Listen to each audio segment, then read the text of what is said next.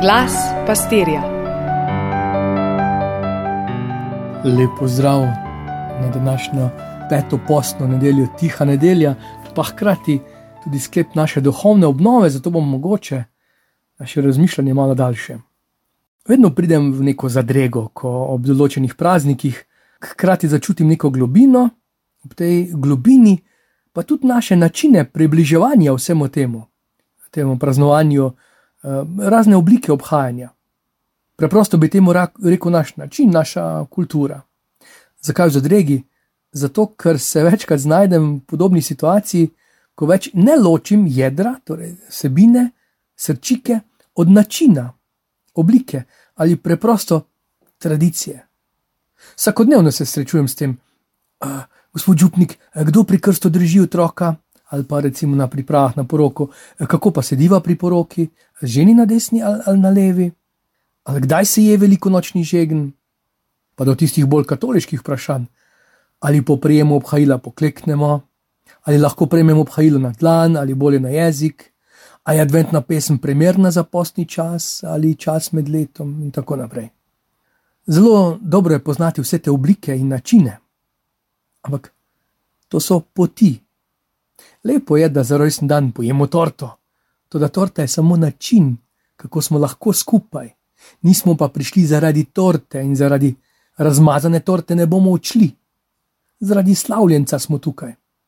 Tako je z vso tradicijo, ki je dobra in močna, ustvarja naše načine obnašanja, mišljenja, vrednotenja. Toda, če se situacija spremeni, okoliščine so drugačne. Pred najsvetejšim se poklekne, to še vemo. Če je izpostavljeno najsvetejše, pokleknemo lahko na oba kolena. A ste opazili, da sem rekel lahko? Pred nekaj desetletji bi o tem sploh ne govorili, vsi so vedeli, da se poklekne. Tudi če se je to zgodilo na poti, župnik je šel v bolniško maziljenje, pred njim hodi mežnar svečo, ljudje na poti pokleknejo.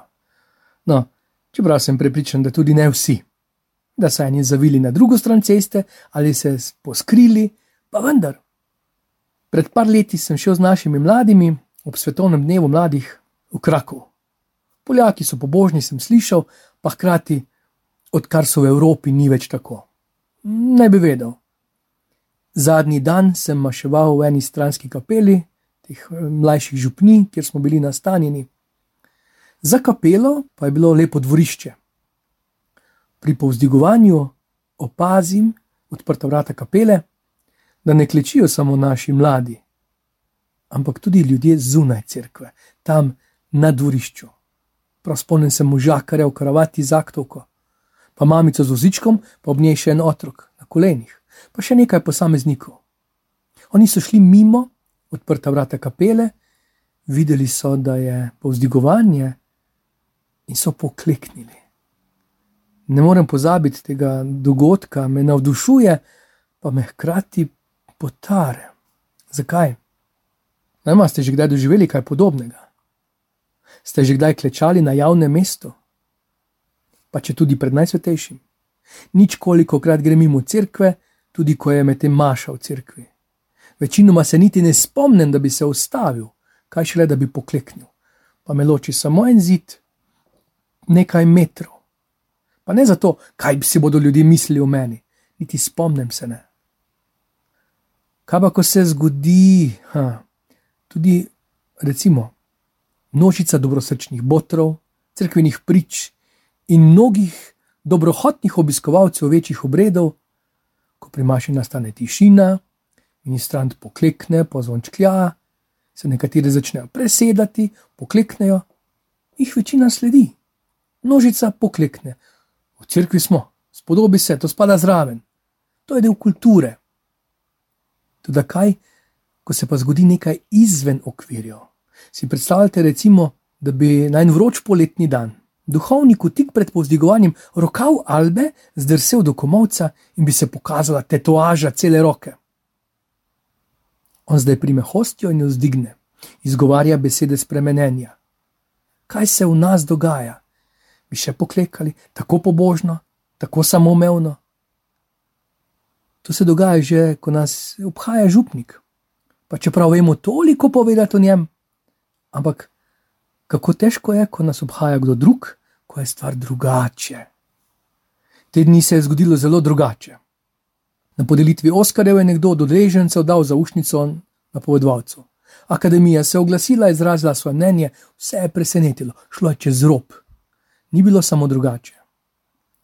Že to, če je drugače, nas iztiri, kaj šele, to je pa že preveč.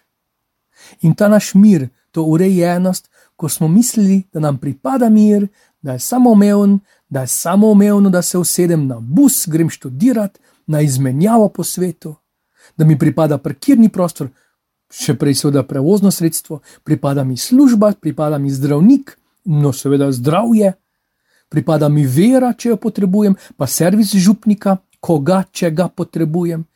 In to se zgodi, ne samo drugačnost, ki bi nas zmotila, ne samo kaplja čez rob, da nas razburi. Zgodila se je grožnja, mir je zlomljen. Nekdo nam je vzel naš mir, ustavite ga, kako si drzne.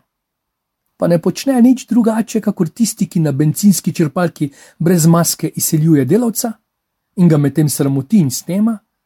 Ne dela nič drugače kot gospa, ki nadira obogo trgovko, zakaj ne da popusta, če tako piše v njeni Bibliji popustov.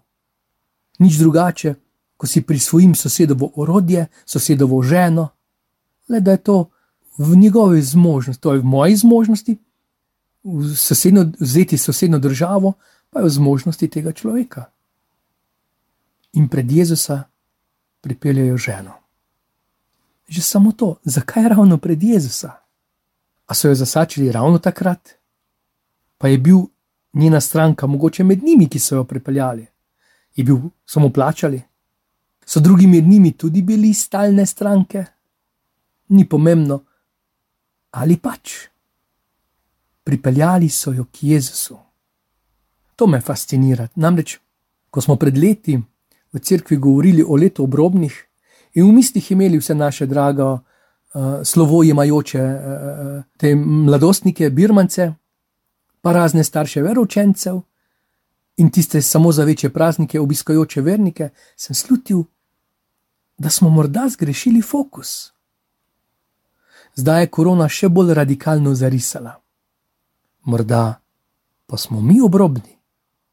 Kdo pa še rabi duhovnika, no župnika še, da ne bo pomote. Rabimo občutek, da smo župnija, pa tu so potem obletnice, pa pogrebi, pa krsti, pa še kaj malega, ne preveč, ravno prav, po naši meri, in smo spet pri naši kulturi, ko je nekaj utečeno, urejeno, po naši meri, z nedeljsko mašo, pa nedeljsko župco in še kaj.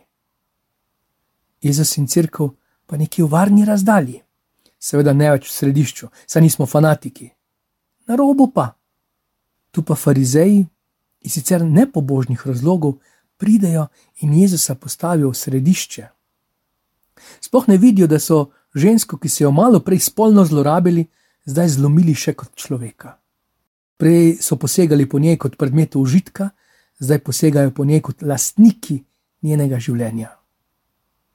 Ste bližje kdaj nemočni, popolnoma nemočni, strti, brez upanja. Ne, ko stojite v vrsti v trgovini in morda ne bo več tistega vam ljubega kosa mesa, ampak na tleh. Je kdo med nami že trepetal za življenje, lastno, svojega otroka? staršev. Tu je uboga žena, vsem na očeh, razgaljena. Še malo prej jo je njego, nekdo ljubkoval, zdaj pa je popolnoma poteptana, smet. In njena sodba je podpisana, nima koga, ki bi jo zagovarjal. In kaj je tu sploh zagovarjati? Advokat ste smešni. Tudi je ne bo nihče vprašal, zakaj to počne. A ji lahko kdo pomaga, konec je. Prišel je njen, dopolnjeno je, nič se več ne da narediti, popraviti. Če ima otroka, bo sirota, njen grob bo brez nagrobnika, spomin na njo bo jutri pozabljen. Vsi to vedo, primer je jasen, to bi še naše sodstvo zmoglo. In vse to se dogaja v Jezusovi prisotnosti. Ona na tleh, tužniki v krogu, ampak vsi v bližini Jezusa. Kako zanimivo, kako se stvari spremenijo, kako se spremeni svoj pomen, svojo identiteto v bližini Jezusa. Kako Jezus spremeni ime, poslanstvo, ko smo ob Jezusu. Eni celo hodijo po vodi, drugi govorijo tuje jezike, eni bolnike ozdravljajo. Beremo, starčki so skakali, ozdravljeni. Mladeniči, bogokletniki, Boga oznanjajo. Neverjetno. Kaj je to tako drugače biti pri Jezusu? On jo ljubi. On ne govori iz priročnika, on je ta priročnik. On ne govori o ljubezni, on, ki je ljubezen, govori ljubezen. Kakorkoli se sliši, on ljubi to ženo. In on ljubi te zraven stoječe, to boli, ko je v očeh mržnja in na klep tisti pa te ljubi. Oni niso bili uperjeni proti ženi, proti Jezusu so bili, srečali pa so ljubezen. In ljubezen ni puhlica, je moč, ki se znajde izven okvirov, je izven kulture, je izven navad, izven tradicije, izven naših crkva in šotorov, izven našega ljubega miru. Pozna njene grehe in pozna moje. Morda je prvi, ki jo je videl, da je lepa, res lepa morda je prvi, ki vidi, da sem svet. Za njim in v njegovi viziji, v njegovem načrtu svetnik. Ne tisti dolgočasen, zlatom obremenjen, v kamen, varno uklesan in pospravljen na oltar. Tak pravi, nevaren. Vidi me živega, vidi me nevarnega za greh, nevarnega za ukaljubljenost. Vidi me v družbi tukaj svetih in vidi me v nebesih. Nihče tega ni dosegel in ne bo z lastno močjo da se to zgodi, je potrebna milost, usmiljenje. Zato bodimo usmiljeni, kot je On usmiljen. To naj bo sonce naše druge polovice posta. Ne pravičnost s kamni v rokah, ampak usmiljenje. Vse dobro.